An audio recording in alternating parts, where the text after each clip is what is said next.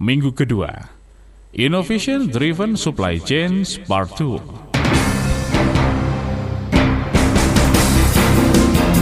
Segera kita ikuti Smart Marketing and Innovation. Seluk-beluk pengembangan perusahaan dari sisi A hingga Z marketing dan inovasi. Bersama DSW, pakar dan praktisi bidang marketing dan inovasi, sekaligus Business Development Director SLC Marketing. Selamat sore Smart Listeners, kembali saya Didi Cahya hadir menemani Anda dalam Smart Marketing and Innovation. Tentunya setiap hari Senin sudah ada Bapak DSW Dr. Sandi Wahyudi yang ada di di mananya nanti akan kita sebutkan. Ya, saya sapa dulu. Karena kita tidak di tempat biasa. Betul.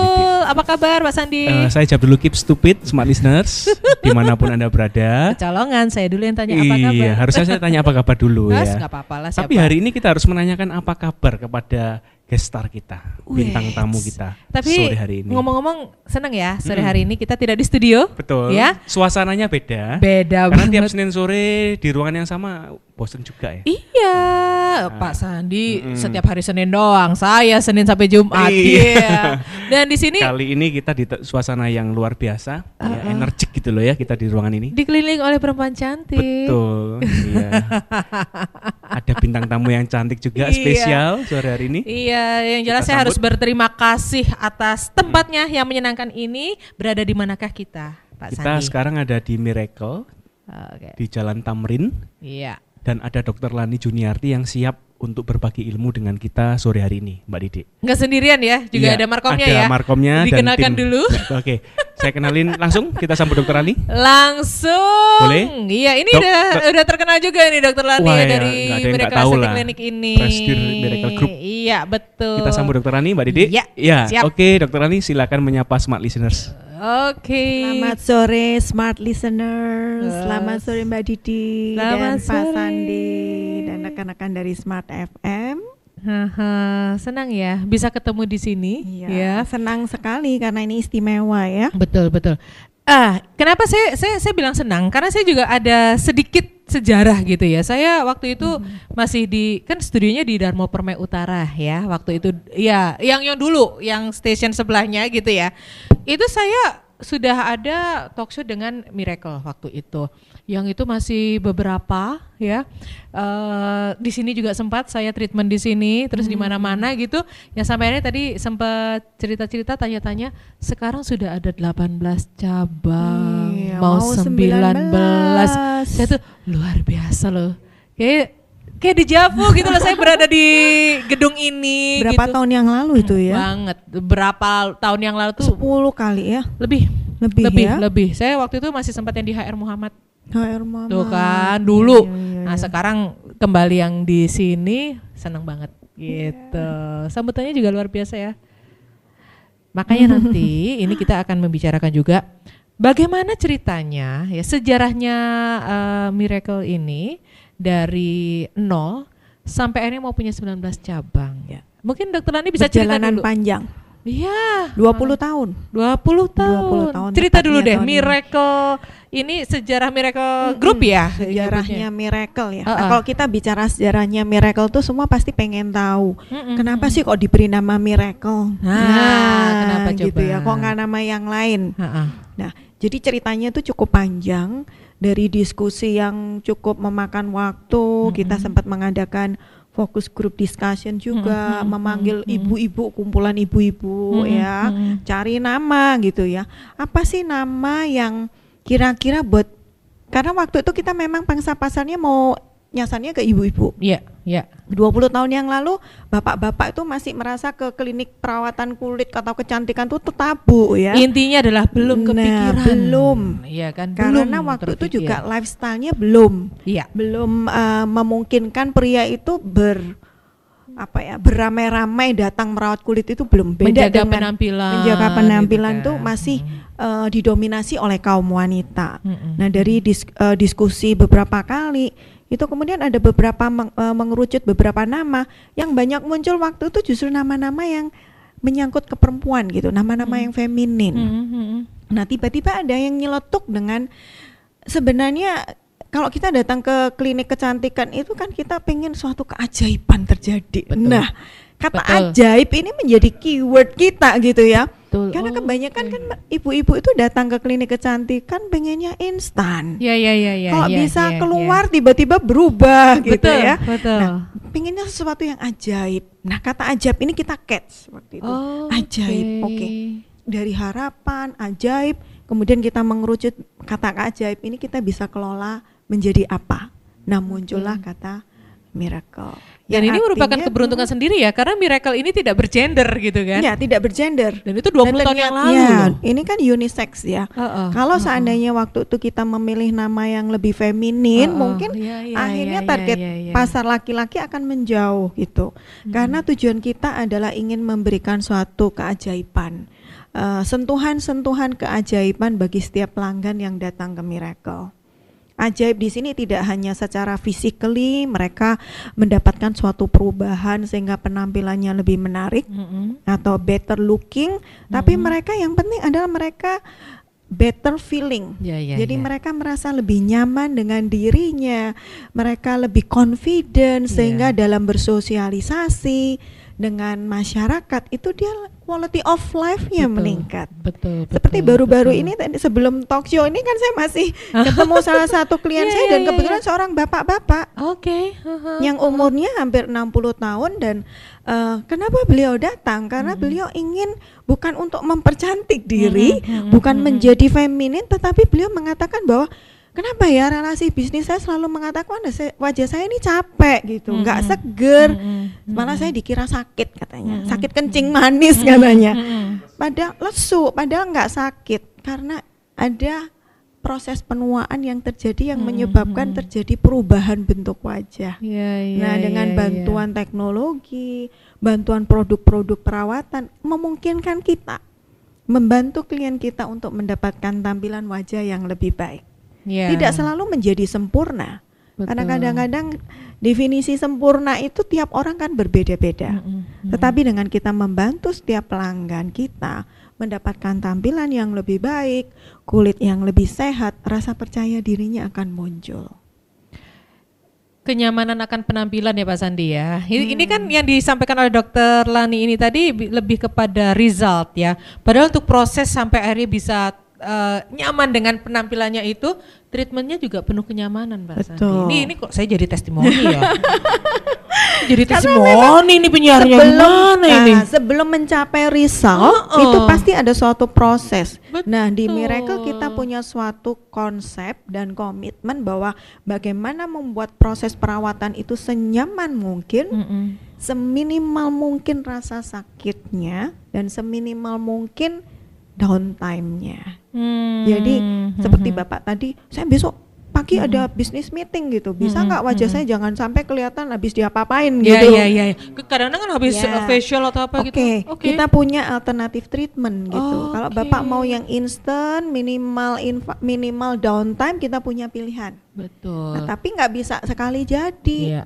Ya kan? Jadi harus ada yang namanya suatu program. Baik. Artinya Bapak nggak bisa datang sekali saja, tapi kita akan bantu membuatkan program sehingga misalnya berapa sih target waktunya. Mm-mm, Nah, Bapak punya planning berapa lama? Saya mau mantu nanti Januari, oke. Mm-mm. Berarti kita punya dua bulan, kita bikinkan plan. Wow. Jadi Wow. kita membuat suatu program yang tailor made, yang Iya. tiap-tiap orang pasti berbeda-beda Sesuai dengan kebutuhan, sesuai dengan itu. kebutuhannya, sesuai dengan time plan-nya, sesuai dengan budgetnya. Mm-mm. Jadi benar-benar personalize. Wow, Pak Sandi, ini mungkin bisa disambung nih dari cerita Dokter Lani nih. Aha. Break waktunya kelihatannya. Oke, kita break dulu ya. Iya. Kita break dulu. Oke, Nanti eh, saya saya juga tertarik dengan kayak Pak Sandi juga udah antusias banget Iya, nih. ini mau ngomong, waduh, Me- break me- menanggapi apa yang disampaikan Betul, oleh. Dokter Lani ya. Iya. Oke, smart listeners akan kita lanjutkan ya obrolan ini setelah jeda berikut.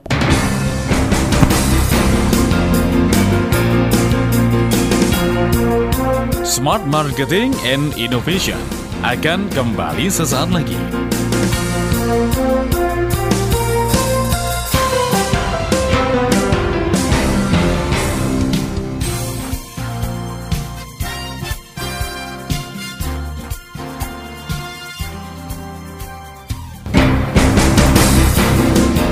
kita ikuti Smart Marketing and Innovation. Seluk-beluk pengembangan perusahaan dari sisi A hingga Z marketing dan inovasi. Bersama DSW, pakar dan praktisi bidang marketing dan inovasi, sekaligus Business Development Director SLC Marketing. Smart Marketing and Innovation masih dari Miracle Aesthetic Clinic ya. Ini lengkapnya begitu ya. Di Jalan Tamrin, MH Tamrin nomor 40. Wah, ini ini enak ya kalau kita mertamu gini wah, ngobrol sama tuan rumah. Iya. Saya Pak Sandi tadi waktu Dokter Landi bercerita berseri-seri nih udah mau komentar ini gitu. Apa tadi yang bisa ditangkap dari cerita Dokter Landi apa Pak Sandi? Gak usah jauh-jauh, buktinya ada dokter Lani kan tadi, miracle happen, luar biasa kan. Iya iya iya. Lihat dokter Lani aja sudah lihat kan gitu kan. Bagaimana secara apa antusias, Betul betul. secara estetika luar biasa sekali. Mm-mm, Tapi yang luar biasa juga saya appreciate dok. Bagaimana ngembangkan bisnis itu lah. Dari yang dulunya satu menjadi sampai mau 19 Mm-mm. itu pasti juga nggak gampang. Kita value propositionnya marketingnya kan ke customer adalah how to make miracle happen Iya. secara personal ya tadi ya dok ya. Nah tapi mengembangkan bisnis ini juga butuh miracle juga di Mm-mm. dalamnya. Mm-mm. Nah ini macam gimana dok?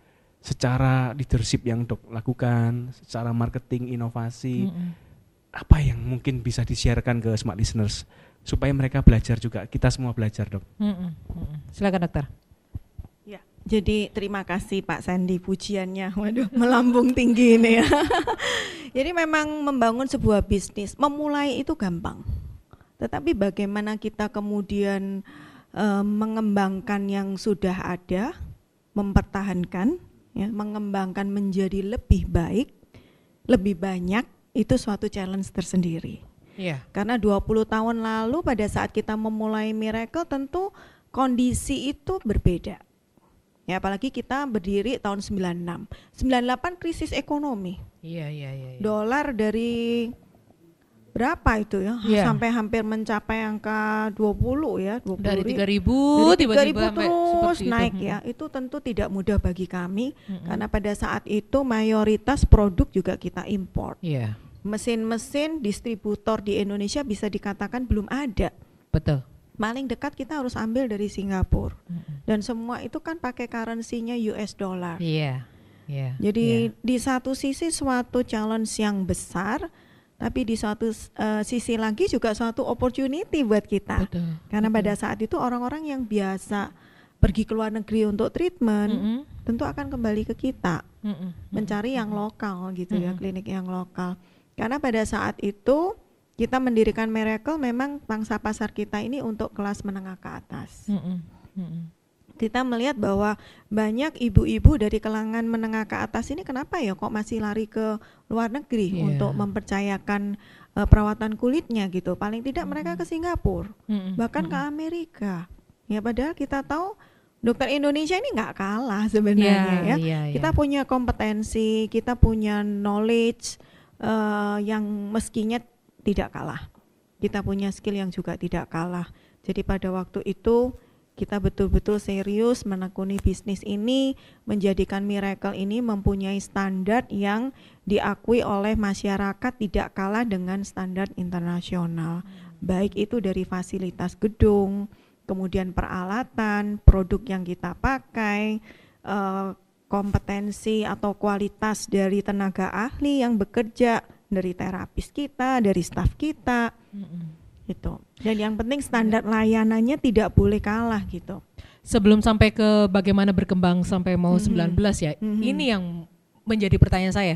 Dari tahun 96 berdiri, Iya. 98 krisis, Krisis. orang itu sangat hati-hati ngeluarin duit gitu kan. Mhm. Walaupun misalnya, oke saya sudah biasa ke Singapura, saya Mhm. udah biasa ke Amerika untuk Iya. treatment, tapi saya belum percaya dengan Betul. klinik lokal. Betul. Strategi marketing apa yang dilakukan oleh Miracle saat itu supaya bisa melakukan penetrasi pasar kepada mereka yang selama ini keluar negeri? Iya, memang di satu sisi itu satu eh, tantangan ya buat Mhm. kita karena kesulitan ekonomi, tapi Mhm, yang punya mhm. duit juga mau membelanjakan di dalam negeri mikir kan iya, gitu ya. belum percaya gitu Belum ya. percaya. Mhm.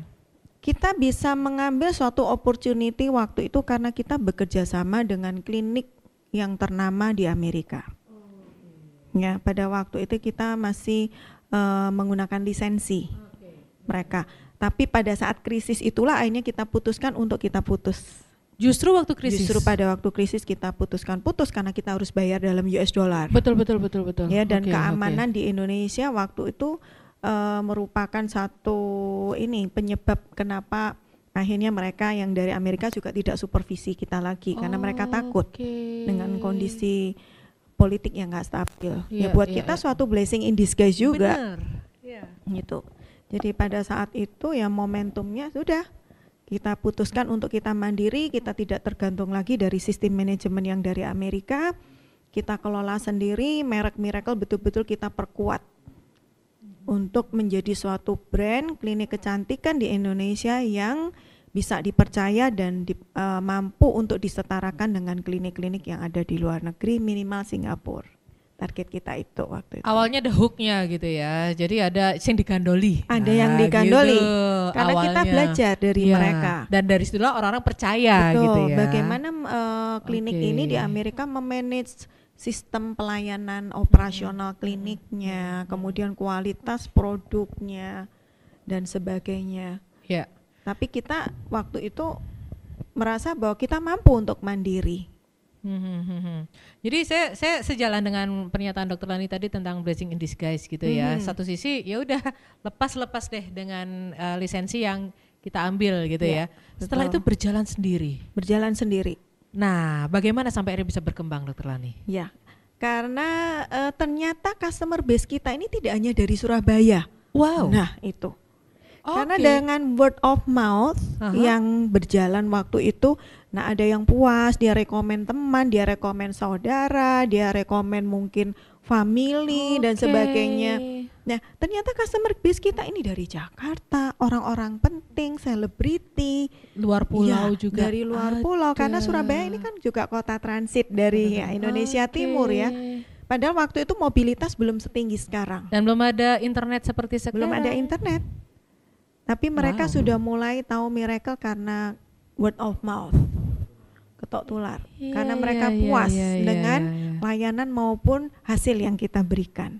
Jadi dari situlah akhirnya ada kepercayaan konsumen. Akhirnya mereka ini ini sebenarnya adalah promotion yang paling andal. Betul, Mereka iya. lah Jadi kita melihat bahwa kita nggak bisa hanya melayani dari Surabaya. ke Pak Sandi. Pak, menarik Pak.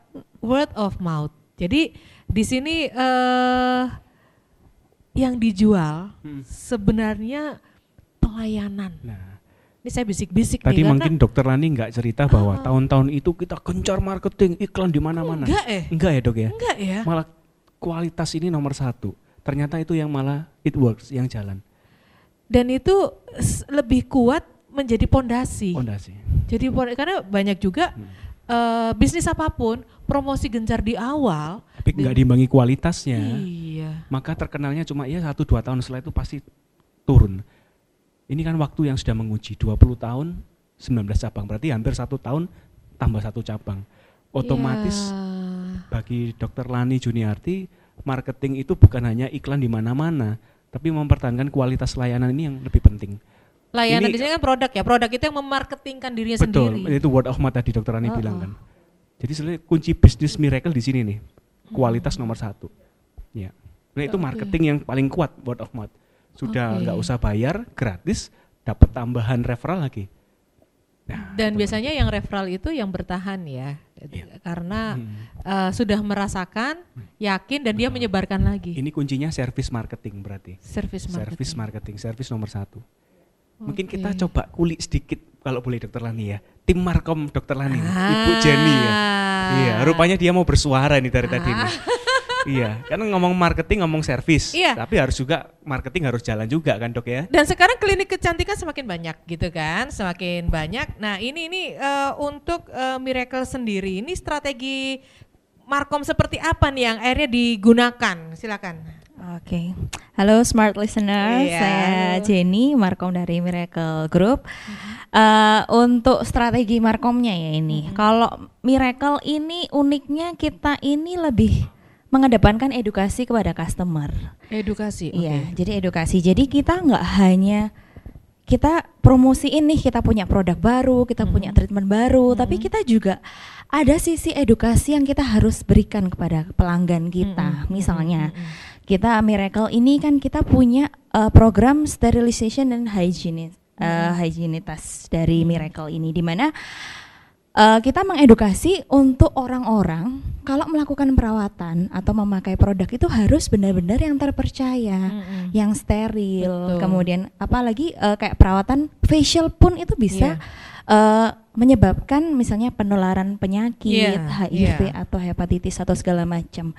Dan di situ kita uh, Miracle ini benar-benar gencar untuk melakukan edukasi seperti itu. Jangan sembarangan memilih gitu ya uh, klinik atau tempat perawatan yang ya yang sembarangan yang mungkin tidak terpercaya gitu Betul. tapi pilihlah tempat yang benar-benar uh, bisa uh, dipercaya memang itu menggunakan alat yang steril Betul, pera- betul. uh, kualitas produknya juga bagus SDM yang digunakan juga profesional berkompeten seperti itu sih Masih nggak sih kalau habis facial gitu spotnya dibawa pulang sama customer?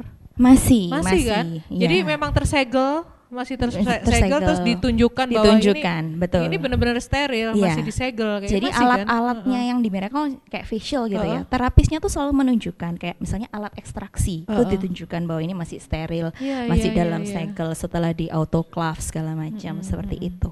Jadi Iya. benar-benar kita menunjukkan ke Tak malah testimoni mana aku Pak Sandi? Ya apa ha? testimoni mana?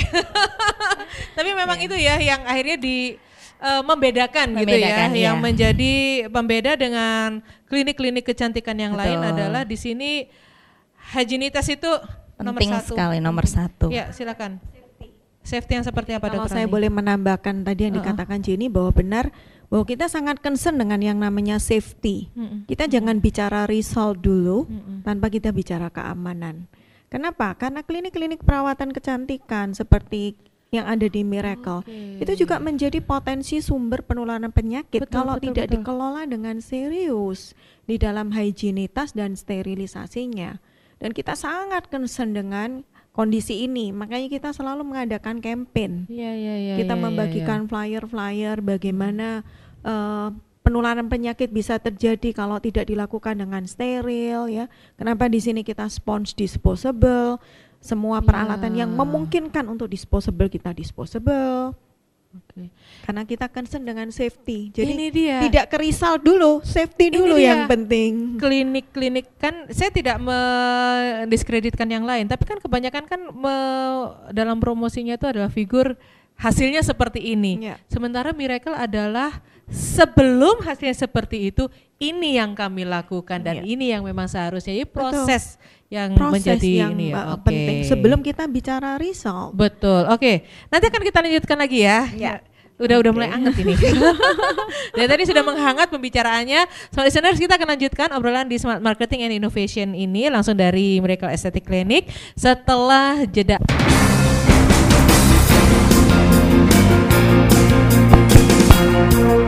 Smart Marketing and Innovation akan kembali sesaat lagi.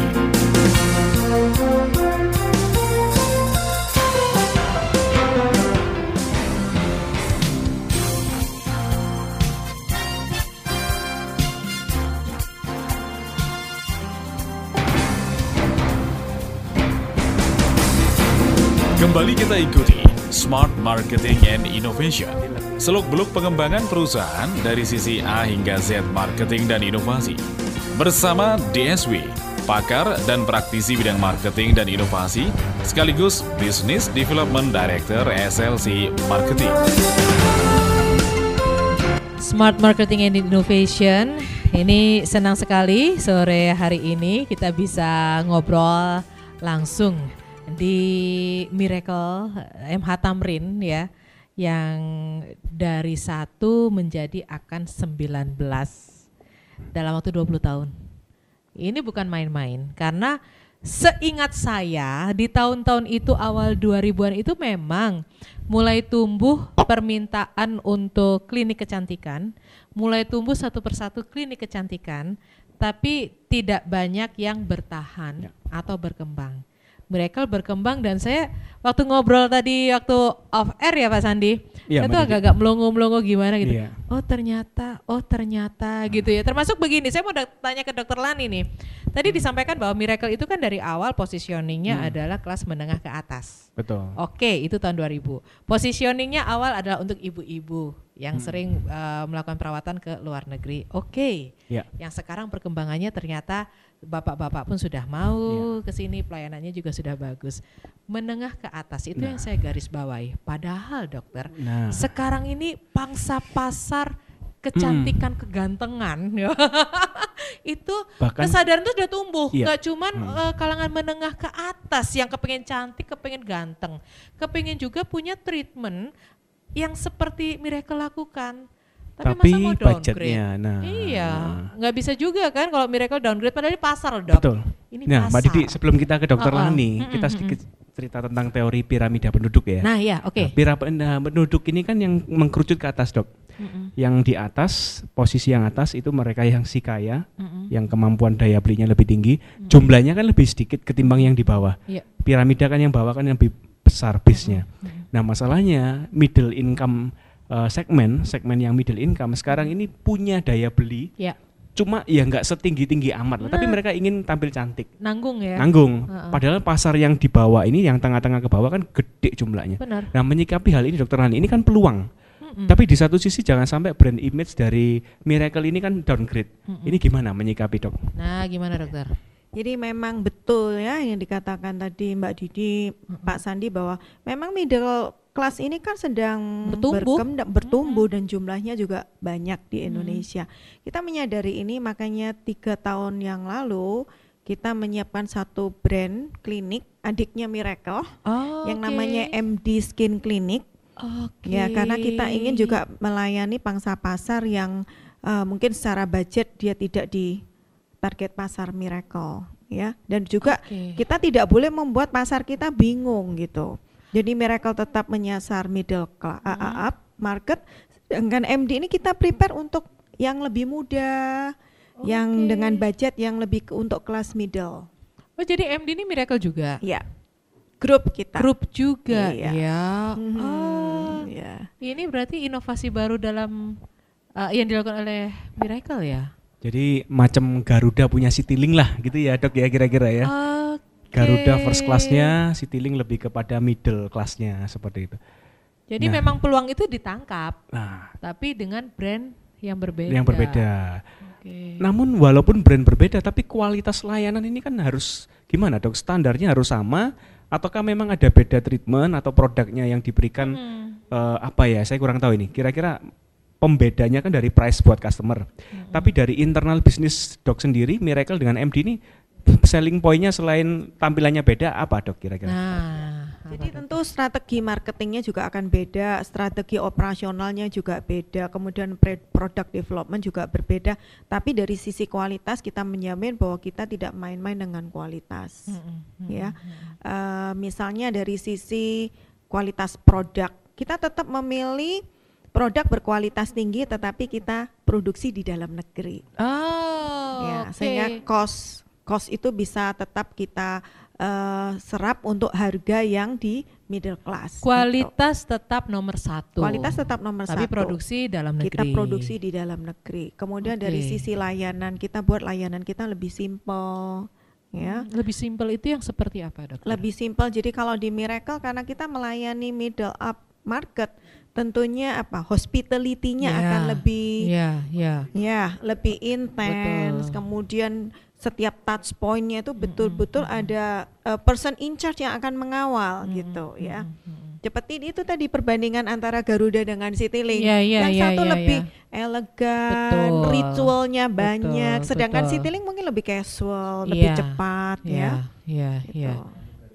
Lebih tidak Iya. formal itu. Itu yang dilakukan Iya. antara Miracle dengan MD. Betul Clinic, sekali. Gitu. Dan ini eh apa namanya secara bisnis gitu ya. Mhm. Secara bisnis ini akhirnya Iya. eh apa dengan dengan apa yang sudah direncanakan gitu ya. Mhm. Ini yang second brand ini akhirnya dapat sudah dapat pasar tersendiri sudah punya gimana? pasar sendiri terutama untuk anak eh, yang mahasiswa lebih muda mahasiswa ya. gitu Iya. atau profesional muda kayak gitu. eh, Oke. kemudian first jobber, Heeh. eh, yang eksekutif.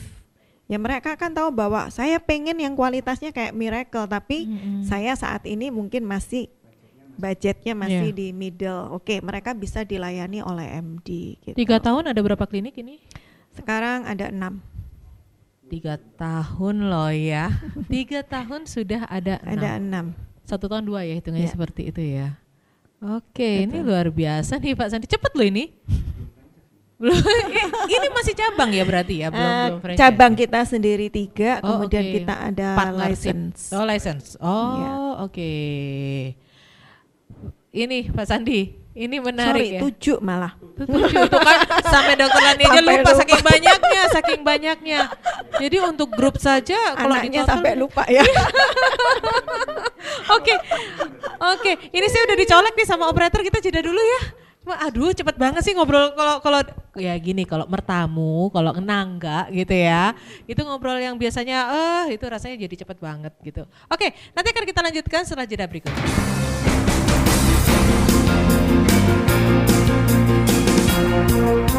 Smart Marketing and Innovation akan kembali sesaat lagi.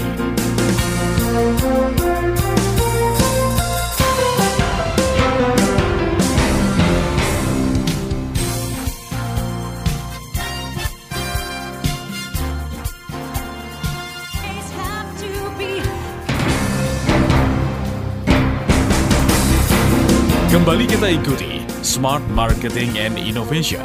Seluk-beluk pengembangan perusahaan dari sisi A hingga Z marketing dan inovasi. Bersama DSW, pakar dan praktisi bidang marketing dan inovasi, sekaligus Business Development Director SLC Marketing. di sesi terakhir smart marketing and innovation ini apa mau diperpanjang dua jam Pak Sandi Hah? Iya, rupanya satu jam kurang, cepet sekali. Nggak bisa dokter Iya, tapi dokter Lani, udah pada nunggu. lagi pasiennya udah Pasiennya ada yang masuk, Eh tapi iya. sampai jam segini masih seger ya. Iya, Ini nggak kalau tahu. kalau di klinik kecantikan seperti ini mungkin ya. Betul. Jadi semangat terus ya. Saya terakhir ketemu dokter Lani di Hotel Mercury ya dok ya. Ha-ha. Itu ketemu jam 8 jam 9 malam. Ya, Segernya ya itu sama ya. Sama gitu ya. Iya. Oke. Nah, tadi eh, Mbak Jenny kan menceritakan bahwa ini kita bicara tentang kualitas higienitas gitu ya. Ini kan berarti SDM. SDM tuh benar-benar harus ah, SOP-nya harus mengikuti segala macam gitu ya. Standarnya seperti apa sih untuk SDM bisa menangani eh, customer di di Miracle ini? Silakan. Oke, Dokter Lani. Oke. Jadi kita menyadari bahwa eh, di bidang jasa seperti kita ini SDM tuh punya peranan sangat besar. Ya. Karena kita bisa membuat SOP yang bagus, yang Uh-uh. terstandarisasi, tapi the one who deliver is human, Ya. still human. Jadi SOP itu hanya menjadi suatu tuntunan Yes. atau kerangka di dalam kita berperilaku. Tetapi tetap kan manusia yang akan melakukan. Mm-mm. Nah, supaya SDM yang ada di Miracle ini punya suatu standar yang sama karena kita ada 18 cabang. Tentu pelanggan kalau pergi ke salah satu klinik kita kan mengharapkan pelayanan yang sama. Mm-mm. Jadi tahun 2008 kita mendirikan akademi.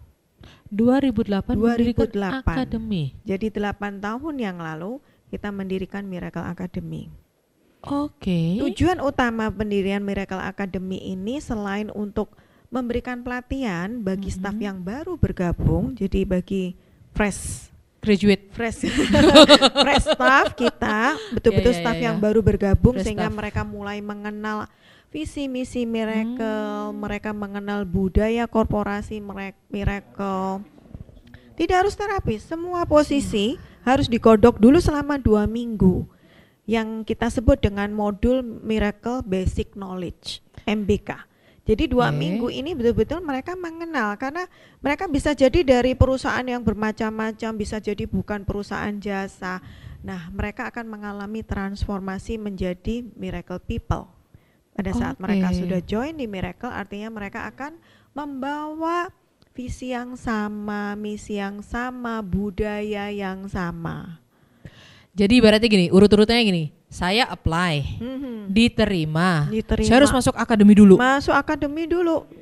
Tidak peduli Walaupun saya sudah jadi apa level di- apa pun sampai ke level director tapi Divisi tentu apa pun. nanti dengan Ah. bobot yang berbeda Betul, betul, modulnya. betul. divisi apa pun entah itu di back office ataupun yang di front line oke, akan oke. ikut yang namanya modul miracle basic knowledge karena mereka harus mengenal saya bekerja di perusahaan yang punya visi apa misinya bagaimana dan budaya kerja yang diinginkan di miracle itu seperti apa All Miracles ya. Jadi yang di Denpasar, yang di Jakarta, yang di Semua. mana ini disekolahin Semua dulu. disekolahin dulu Saya jadi merinding ya Pak Sandi. Oke, oke, Pak Sandi mungkin mau komentar dulu ini agak-agak Iya, merinding iya. saya kalau ngomongin SDM itu gimana Pak? Gimana? Iya, iya, silakan Simpangan errornya biasanya kan di SDM. Karena Iya. SDM itu nggak ada yang standar Mbak Dede. Pas Oke. moodnya berubah hari itu kualitas lainnya berubah. Ini kuncinya keberhasilan baru dapat nih kelihatannya. Ya mungkin di Miracle Academy salah satu apa motor engine-nya ya, gimana ini. standarisasi 20 sekian cabang dengan MD juga. Gak peduli dia punya pengalaman atau jabatan apa sebelumnya. Ini siap di franchise loh dok sebetulnya ya. Sebentar, untuk SDM Secara ini, ini. SDM ini menarik. Mm-mm. Eh, ini kan sebenarnya cost ya. Ya. Tapi oleh mereka ini jadi investasi. investasi dua minggu itu mohon maaf dok ya Pak, sudah, itu. sudah gaji dua minggu argonya jalan tapi dibelajarin apa disekolahkan Iku gak semua banget ya perusahaan ya. gelem loh mbak Didik gak semua perusahaan gelem Sangat penting. Iya. Merindingnya masih loh ini. Ini gini karena karena oke lah kita bicara tentang perusahaan yang berjaringan ya. Jaringan Ya. banyak di seluruh wilayah gitu ya. Tapi sampai akhirnya harus ibaratnya kayak masuk akademi militernya Miracle Ya, gitu. betul. Dua Mereka minggu harus digembleng. transformasi menjadi miracle people sebelum mereka diterjunkan ke cabang masing-masing. Miracle people. Ya, jadi kita harus punya satu eh, visi yang sama, kita harus Oke. punya misi yang sama, value-nya, nilai-nilai yang kita harus bawa dalam kegiatan kita sehari-hari di klinik itu seperti apa. Kita punya, Nah, ya. visinya. Visinya kita tidak hanya ingin menjadi klinik estetik yang terdepan dan terpercaya hanya di Indonesia. Mm-mm. Kita berharap dalam dua tahun yang akan datang Miracle sudah ada cabang di luar Miracle. Dua tahun Dalam dua tahun target ke kita. depan. Ini ada Sudah ada planning, planning. gitu. Inovasi-inovasi apa lagi yang kira-kira dalam waktu dekat dan dalam uh, jangka ah, ah, ini ini ini apa nih, dokter? Ya jadi kita berharap juga bahwa produk Miracle ini nantinya tidak hanya di bisa didapatkan di uh, klinik melalui klinik cabang-cabang klinik Miracle tetapi juga bisa didapatkan melalui jalur distribusi yang lain. Hmm, Gitu. jadi Nanti bentuknya seperti apa? Nah, coming soon. karena itu tadi uh, Iya. apa namanya uh, customernya sendiri juga tidak hanya di Surabaya, Jakarta, Denpasar dan kota-kota yang ada di. Banyak. ada Miracle-nya, ada tapi juga di 19. daerah-daerah lain Ada di daerah di luar lain. 19 Di luar Miracle itu juga butuh 19. produk kan Betul. gitu. Ya. Dan ini akan mendekatkan mereka langsung jemput Mhm. bola Miracle Iya. yang ada produknya ke sana. Ya. Pak Sandi, gimana nih? Ini kita kayaknya udah Ini harus ada kesimpulan nih. kalau nggak ada Sampai kesimpulan. praktisinya kan teori ini sia-sia mbak Didik Iya iya iya. iya. Jadi apa yang kita pelajari selama ini, ini ada tokoh yang telah melakukannya. Mm-mm. Dan apa yang kita bahas ternyata sinkron juga ya. Iya, Teori iya, yang kita iya, bahas iya, dengan betul praktek di lapangan. betul. Otomatis smart listeners, apa yang kita pelajari dari Dr. Lani ini Mm-mm. sesuatu yang intisari ya, perasan jeruknya lah. Mm-mm. Yaitu kisah sukses beliau dari mendirikan awal sampai sekarang. Mm-mm. Yuk sama-sama kita belajar. Yaitu tadi saya temukan beberapa kata kunci dok. Ya, ini apa? Belajar untuk memberikan kualitas ketimbang sering memberikan diskon atau promosi. Iklan yang kita berikan pun lebih ke mengedukasi, bukan menteri apa itu, ojo-ojo orang supaya belanja lebih banyak lebih sering, tapi supaya mereka paham kita beda kualitasnya di mana. Mm-mm. Dua kata kunci itu yang saya temukan dok. Mbak Didik mau nambahin silakan. Ya, saya saya malah melihat bahwa miracle di sini orang melihat miracle itu adalah sesuatu yang sifatnya di awang-awang. Tapi miracle di sini adalah miracle yang bisa diwujudkan, keajaiban yang bisa diwujudkan dengan strategi-strategi yang memang mumpuni di sini dan eh, bisa dilihat dalam 20 Mungkin tahun saya, saya kasih quote buat dokter Lani. Ah. If you want to see miracle, just come to miracle. Eh, lumayan nih, lumayan nih. Iya, iya, iya, iya, iya, iya, bisa jadi tagline Iya, untuk tagline Ah, ya. ah, tagline untuk Tagline, campaign iya. kapan gitu Iya. ya. Udah dicatat, udah dicatat. Loh itu ada dokter Lani punya bukunya loh. Iya. Dokter Lani ada bukunya itu. Berapa tahun lalu ya dok ya? Apa tentang miracle ya? Tiga tahun yang lalu. Luar Oke. biasa. Sebagai penutup juga dari Dokter Lani. ah, thank you, Dok. kayaknya seperti itu ya. Wah, ini challenge buat saya nih, belajar juga. langsung dari Oke. prakteknya. Eh, Oke. sebagai penutup dari Dr. Lani, apa yang bisa disampaikan kepada smart listeners? Ya, jadi dalam sebuah bisnis 20 tahun pengalaman kita memulai kan mudah ya. Mm-mm. Mempertahankan dan mengembangkan mengembangkan bisnis is another challenge. Mm-mm. Tapi bagi kita ada tiga kata kunci kalau kita ingin sustain di dalam sebuah bisnis dan eh, terus bisa berkembang, yang pertama kita harus punya passion. Mhm. Passion terhadap apa yang kita lakukan. Mhm. Tanpa passion kita nggak punya energi. Ya, Dari ya, passion ya. itulah kita punya energi yang unlimited. Mm-mm.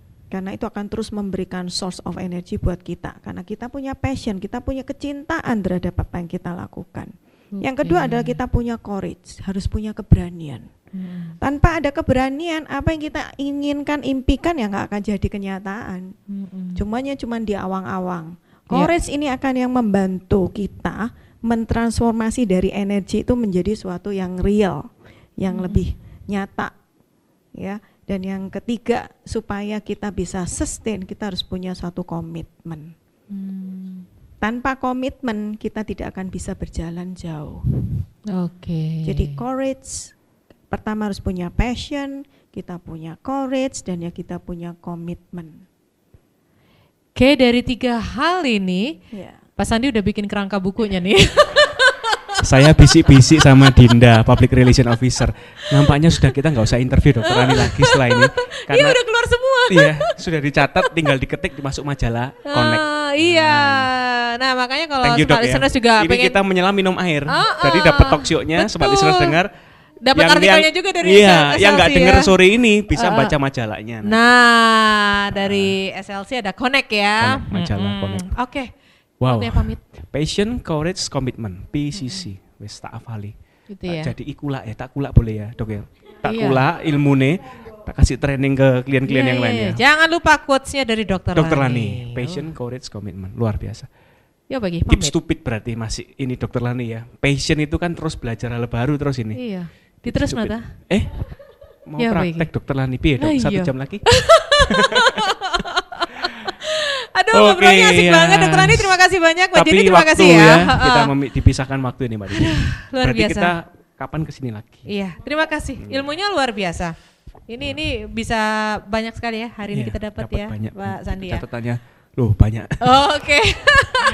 Baik, Oke. waktunya saya pamit dulu. Saya Didi Cahya. ya dan Saya Dr. Lani Juniarti. beliau Presidir Miracle Group dan Aha. Ibu Jenny. Saya Jenny dari Markom Miracle Group. Oke. Dan Only Marketing Can Drive Innovation, saya DSW Dr. Sandi Wahyudi hanya, Hanya untuk untuk Smart, Smart FM. FM. Demikian telah kita ikuti Smart Marketing and Innovation.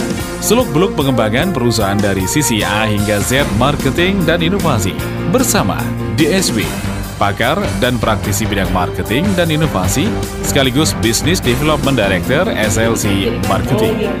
Ikuti inspirasinya setiap hari hanya di 889 Smart FM Surabaya. Atau perlu tambah mungkin Mas Adi? Mas Adi? Mas Adi?